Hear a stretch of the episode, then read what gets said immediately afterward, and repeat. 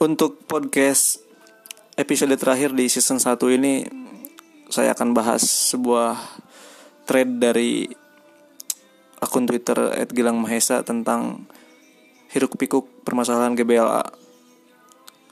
Uh, selamat mendengarkan.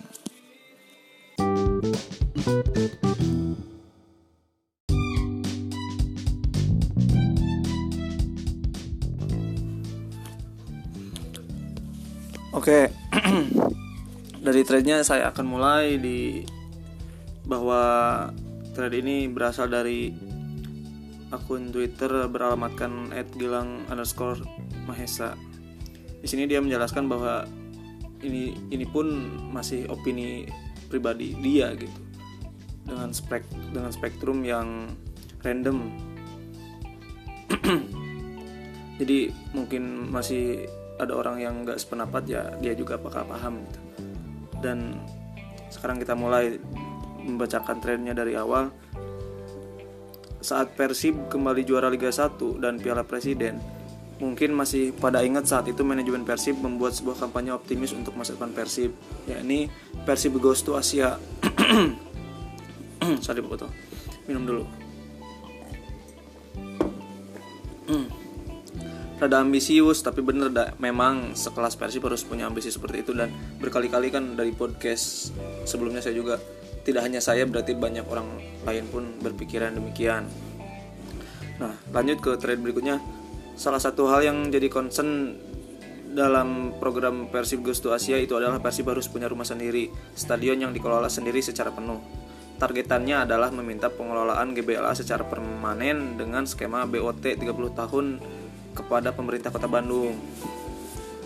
Pengelolaan GBL ah, lanjut ke tadi berikutnya, pengelolaan GBLA secara permanen oleh klub akan memungkinkan Persib membuat banyak hal, branding stadion dengan sponsor yang besar, penambahan fasilitas di dalam dan di luar stadion, termasuk training camp yang waktu zaman Gomez jadi isu ya. Gomez selalu minta tuh. Penataan yang lebih baik termasuk soal gate dan parkir, yang mana parkir inilah yang jadi yang masalah yang selalu jadi biang masalah di GBLA yakni banyak terjadinya curanmor eh, lanjut ke thread berikutnya. Intinya saat itu manajemen Persib mengajukan proposal dengan nilai investasi yang cukup besar untuk bisa mendapatkan pengelolaan GBLA kepada Pemkot Bandung. Tentunya wajar dalam perencanaan ini ada faktor-faktor perhitungan bisnis. Hal ini biasanya hal ini biasa saja dan harusnya tidak tidak menjadi isu. Lanjut Pengelolaan GBLA oleh Persib juga akan menguntungkan pemerintah Kota Bandung. Selain memangkas biaya operasional, pemeliharaan dan eh, SDM sekitar 3 sampai 4 miliar. Selama 30 tahun juga Pemkot akan dapat pemasukan dari skema BOT dan pajak retribusi. Jadi harusnya nggak ada isu dan keberatan soal ini. Lanjut, hak Pemkot sendiri saat itu melalui Wali Kota Bandung Ridwan Kamil menyambut baik dan mendukung. Bahkan dukungannya dukungan yang bersangkutan terhadap soal ini konsisten. Hingga saat ini saat Kang Emil menjabat sebagai gubernur Jabar GBLA lebih baik dikelola oleh Persib. Lanjut lagi. Nah di tahun 2015 wacana ini muncul. Baru ketahuan kalau soal GBLA ini menyimpan masalah. Awalnya masalah maladministrasi yang terjadi di era Dada Rosada.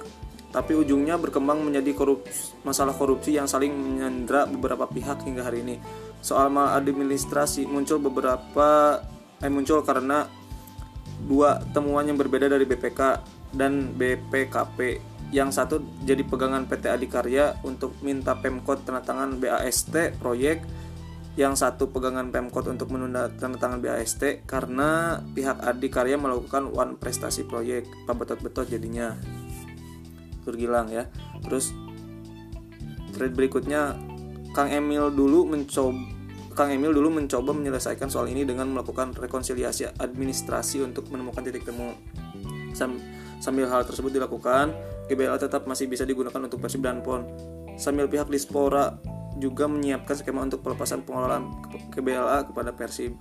Tetapi tiba-tiba di tahun 2015 berbekal hasil audit BPK dan BPKP meledaklah dua isu soal GBLA yakni isu kerusakan dan korupsi ditambah lagi PSSI dibukukan Menpora Asa Persib goes to Asia dengan berbagai rencana di dalamnya jadi kehilangan momentum dan gairah ambiar. Kalau untuk sekarang ya. Soal kerusakan stadion, Ridwan Kamil bergerak cepat dengan melakukan uji beban struktur bangunan stadion bersama dengan Puslitbang Kementerian PUPR. Ini langkah yang cepat karena hasilnya tidak akan bisa dibantah karena tes dilakukan sesuai dengan standar.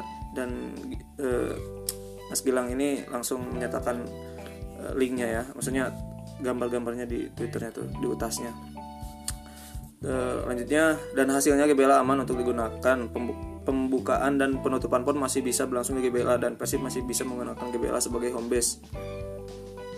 Saat itu soal isu soal kerusakan stadion mereda dengan hasil pemeriksaan tersebut. Tapi soal korupsi GBLA, kabar eskrim Polri, Polri terus melanjutkan prosesnya. Semua yang dianggap bisa dimintai keterangan diperiksa termasuk Dada Rusada dan Ahmad Heriawan, gubernur sebelumnya. E, karena GBLA ini dibangun di zaman beliau-beliau ini ya. Lanjut, hasilnya tahun 2018 sudah ada vonis terhadap salah satu terdakwa yakni terdakwa ini hanya petugas administrasi proyek, pejabat pelaksana teknis kegiatan PPTK. Sehingga kasus ini masih terbuka untuk terus berlanjut. Kekuasaan di Pemkot Bandung e, kekuasaan di Pemkot Bandung sebagai pemilik aset berganti. Nah, isu soal isu-isu soal GBLA sempat meredak. GBLA masih bisa digunakan Persib di Persib Gomez sampai meledak kejadian Haringga yang waktu uh, apa sampai meninggal kan ya ini sekaligus jadi dua masalah yang terjadi Persib terusir dari GBLA dan saat boleh kembali ke Bandung isu-isu yang jadi beban GBLA kembali muncul menyebabkan Persib tidak bisa menggunakan GBLA hingga hari ini terus lanjut Gilang institusi Polri permasalahkan lagi isu kerusakan dan masih membuka mendalami kelanjutan kasus GBLA. Ada beberapa nama yang muncul di BAP dan fakta persidangan yang akan didalami pemeriksaannya. Jadi ini teh bukan sekadar serah terima aset seperti bukan serah terima aset seperti yang sering disampaikan pihak pihak Pemkot ya. Uh, kata Gilang ini dia ini. Nah, terus gimana mau serah terima aset jika para pihak tersandra oleh kasus korupsi GBLA seperti ini? E, padahal sebenarnya kalau tidak ada kepentingan keterkaitan seperti zaman RK, dorong aja proses hukum lanjutannya di Baris Krim Polri sejak 2018 lalu sampai tuntas. Tapi aku mah tuh aing mengeluh kan. Terus dia lanjut Persib baru bisa masuk ambil alih GBLA saat posisi asetnya sudah clear dan jika para pihak masih siun. Dan jika para pihak masih siun saling sandra untuk mengamankan dari jerat hukum ya prosesnya iya masing masing panjang pisan. Sedangkan pasti butuh rumah dia e, sertakan hashtagnya ya. Karena untuk 2020-2021 SDH nggak bisa dipakai. Karena SDH jadi salah satu venue Piala Dunia FIFA usia 19 tahun 2021 untuk mengejar standar stadion sesuai dengan standar stadion FIFA eh, SDH harus direhab gede-gedean bukan sekedar di dress up otomatis itu bisa dipakai kan untuk liga gitu. Nah, PT yang akan merehabnya pun sudah ada informasi yang dapat yang dia dapat rencana e, rencana rencana paling lambat akhir akhir semester 1 tahun ini sudah jalan kegiatan rehabnya. Nah, terus dia nanya Persib mau main di mana kan? Itulah mengapa soal GBL ini jadi penting pisan. Memang tidak tidak maksudnya tidak terlepas dari mau dipakainya SDH uh, soal GBLA juga kan memang harus harusnya tuh udah clear lah kalau semua pihak uh, mementingkan Persib gitu. Nah, lanjut uh, dia maksudnya memberikan pertanyaan retoris yang mungkin bisa tuh dipakai selama SJH direhab bisa tuh dipakai bisa tuh dipakai selama SJH direhab beda zaman RK mau memang anu memang nggak punya persinggungan apa pun dengan kasus korupsi GBLA sehingga bisa paksakan keluar izin Persib main di GBLA sampai kasus Haringga e, di badanan. Nah Pemkot Ayana rada beda kekuat kakait kali itu kali e, e, apa namanya? Lanjut ya ya terus lanjut lagi. Akhirnya Pemkot buang badan soal penggunaan GBLA dengan isu penurunan tanah. Serah terima dan izin polisi sebagai alasan GBLA tidak bisa digunakan oleh Persib. Isu itu di zaman RK bisa diberesan. Ha di zaman Aina ente ya kan kita juga bingung lah. Bah, bah, bahkan untuk bobotoh yang amam yang, yang awam tentang kasus ini pun eh, pasti bertanya-tanya kok uh, eh, GBL nggak bisa dipakai karena ada masalah tapi masalahnya sampai sekarang nggak kelar-kelar karena itu tadi semua saling uh, keterkaitan lah. Saling saling tersandra. Uh, no. Dia dia tulis lagi apa lanjutkan lagi threadnya saya jadi ingat omongan Haryono untuk kepentingan Persib manehna mengalah manehna mengal nah maraneh nulaina uh, pejabat Pemkot Adikarya bisa tuh siga Haryono? Nah tadi ya masih nganggap Persib sebagai bagian dari kota Bandung tuh sih? Nah atau hayang-hayang memanfaatkan wungkul gitu ini sebagai tamparan sih ya Twitter uh, apa tweetnya tuh. Jadi lanjut lagi. Jadi selama saling sandra ayah dulu bebaturan atau bahkan pribadi anu terkait dengan kasus korupsi GBLA iya. soal GBLA bakal panjang pisan bisa jadi mau beres. Dan Persib dan dan dia hashtag lagi tulis hashtag lagi. Dan Persib butuh rumah. Kudu rumah kudu main di mana. E, lanjut lagi. Jadi saat PSSI yang ketuanya adalah keluarga besar Polri mau bantu soal GBLA ini saya rasa bisa jadi salah satu solusi untuk beresin soal GBLA ini. Tapi kalau hanya lobby tanpa penyelesaian kasus hukumnya secara tuntas besok-besok bisa dibuka deh jadi isu deh jadi soal GBLA iya memang kuncinya kudu wani selesaikan kasus hukumnya secara tuntas. Kalau sudah clear pasti bisa masuk dan segala rencana soal pengelolaan GBLA bisa dijalankan. Dengan Persib punya rumah, semoga saja energi dan gairahnya kembali menyala Persib Gustu Asia. Lanjut lagi, Munte beres wae, meren opsi Persib keluar dari kota Bandung tanpa harus keluar Jabar bisa jadi menyadarkan semua pihak yang berada di kota Bandung. Tos cakap sakit helanya, nuhun punten upami panjang teing dan anpai dahulu jeung liburan tahun baru. Dan dia menambahkan juga di di terakhir, Mun beres Piala Dunia usia usia usia 19 GBL acan beres wae opsi menjadikan SJ permanen dikelola per, dikelola oleh Persib bisa jadi opsi. Sekalian akuisisi Persikab syaratnya 2020 pilih bupati kabupaten Bandung anu bener nu kira-kira punya visi anu bener termasuk soal aset SDH dan Persikab jadi 2020 2021 Persib main di mana? Nah dia e, nulis lagi maksudnya e, di trade selanjutnya. E, pertanyaan retoris ya jadi 2020 2021 pasti main di mana?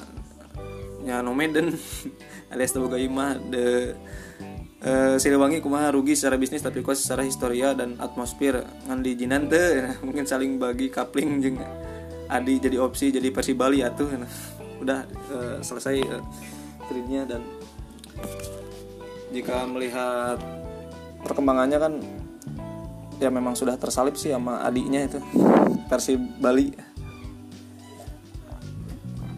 yang mana Bali United tidak menim, apa tidak menunjukkan kesulitan berarti ketika dia mengambil alih atau mengambil alih uh, kepengurusan di stadion Kapten Iwayan Dipta ya yang sekarang jauh lebih baik dan bisa kita lihat ada stadion tour.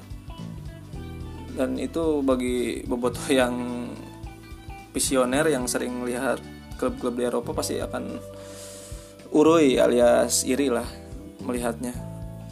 Klub kemarin sore tapi melesat gitu. Persib yang udah kental dari sejarah prestasinya juga lumayan gitu. base supporter besar tapi sampai sekarang tidak punya rumah. Ya mau Gus Asia gimana kalau secara fundamental aja belum kuat. Fasilitas terhadap uh, apa menunjangnya pemain-pemainnya kelak kan itu jadi salah satu faktor untuk kesuksesan atau kejayaan sebuah klub ya. Dan saya kira uh, dari trade-trade tadi yang ada cukup untuk membuat banyak bobotoh semakin apa ya semakin memperhatikan lah terhadap isu ini. Karena kalau kitanya apatis ya siapa yang akan mengingatkan orang-orang yang ada di pemkot dan pemprov atau atau yang yang apa ya yang ada di masalah inilah agar cepat selesai. Ya kalau ada kasus hukumnya ya udah proses.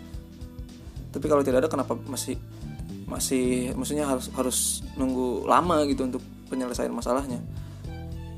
Sedangkan kan Persib butuh butuh stadion itu memang mendesak gitu. Dan semoga cepat selesai lah. Saya lihat yang masih concern di permasalahan ini di media sosial khususnya Twitter yang saya pantau itu eh, Kang Farhan itu ya Kang Farhan Muhammad Farhan ya yang dulu sempat ada di Persib kerja di Persib. Dia sering banget eh, meretweet atau mentweet tentang GBLA dan harusnya sih semakin banyak tokoh-tokoh yang di Bandung ya, yang di yang ada di Bandung itu khususnya.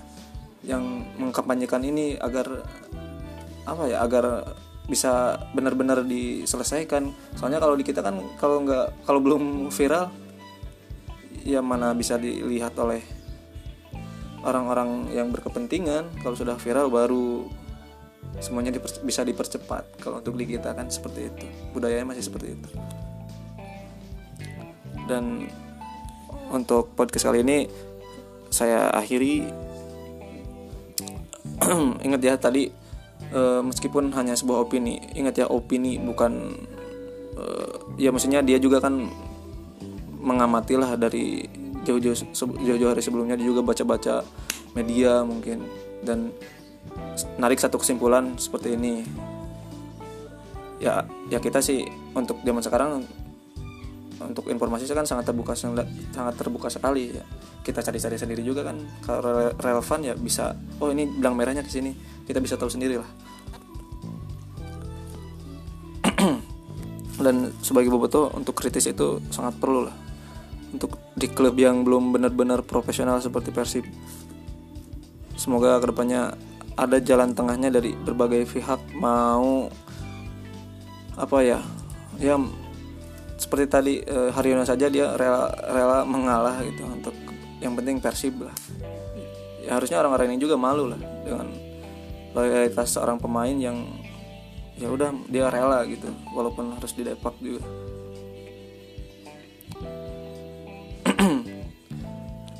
Untuk kemaju untuk kemajuan Persib dan sepak bola di Bandung khususnya ya udah segitu aja dulu thank you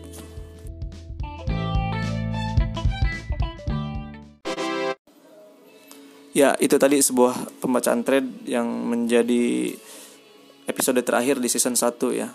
Sebelum kita masuk ke pergantian tahun. Dan semoga di tahun depan permasalahan ini bisa cepat selesai sehingga pasti bisa apa punya rumah di uh, tanahnya sendiri apa maksudnya punya rumah di rumah sendiri di ya maksudnya itulah punya rumah di wilayah dia sendiri gitu. Dan untuk bobotoh yang akan berlibur ke pantai ke gunung atau berkumpul dengan keluarga selamat dan semoga acaranya diberi kelancaran dan kita akan bertemu di season 2 uh, CLID football atau saya CLID podcast for football jadi belepotan seperti ini ya. Oke okay, thank you untuk semua yang sudah mendengarkan dari awal episode sampai akhir. Dan sudah eh, menemani tiap episode tiap episodenya. Semoga di tahun depan ada perbaikan dari segi kualitas suara atau penyajian podcastnya ya. Oke selamat berlibur dan selamat tahun baru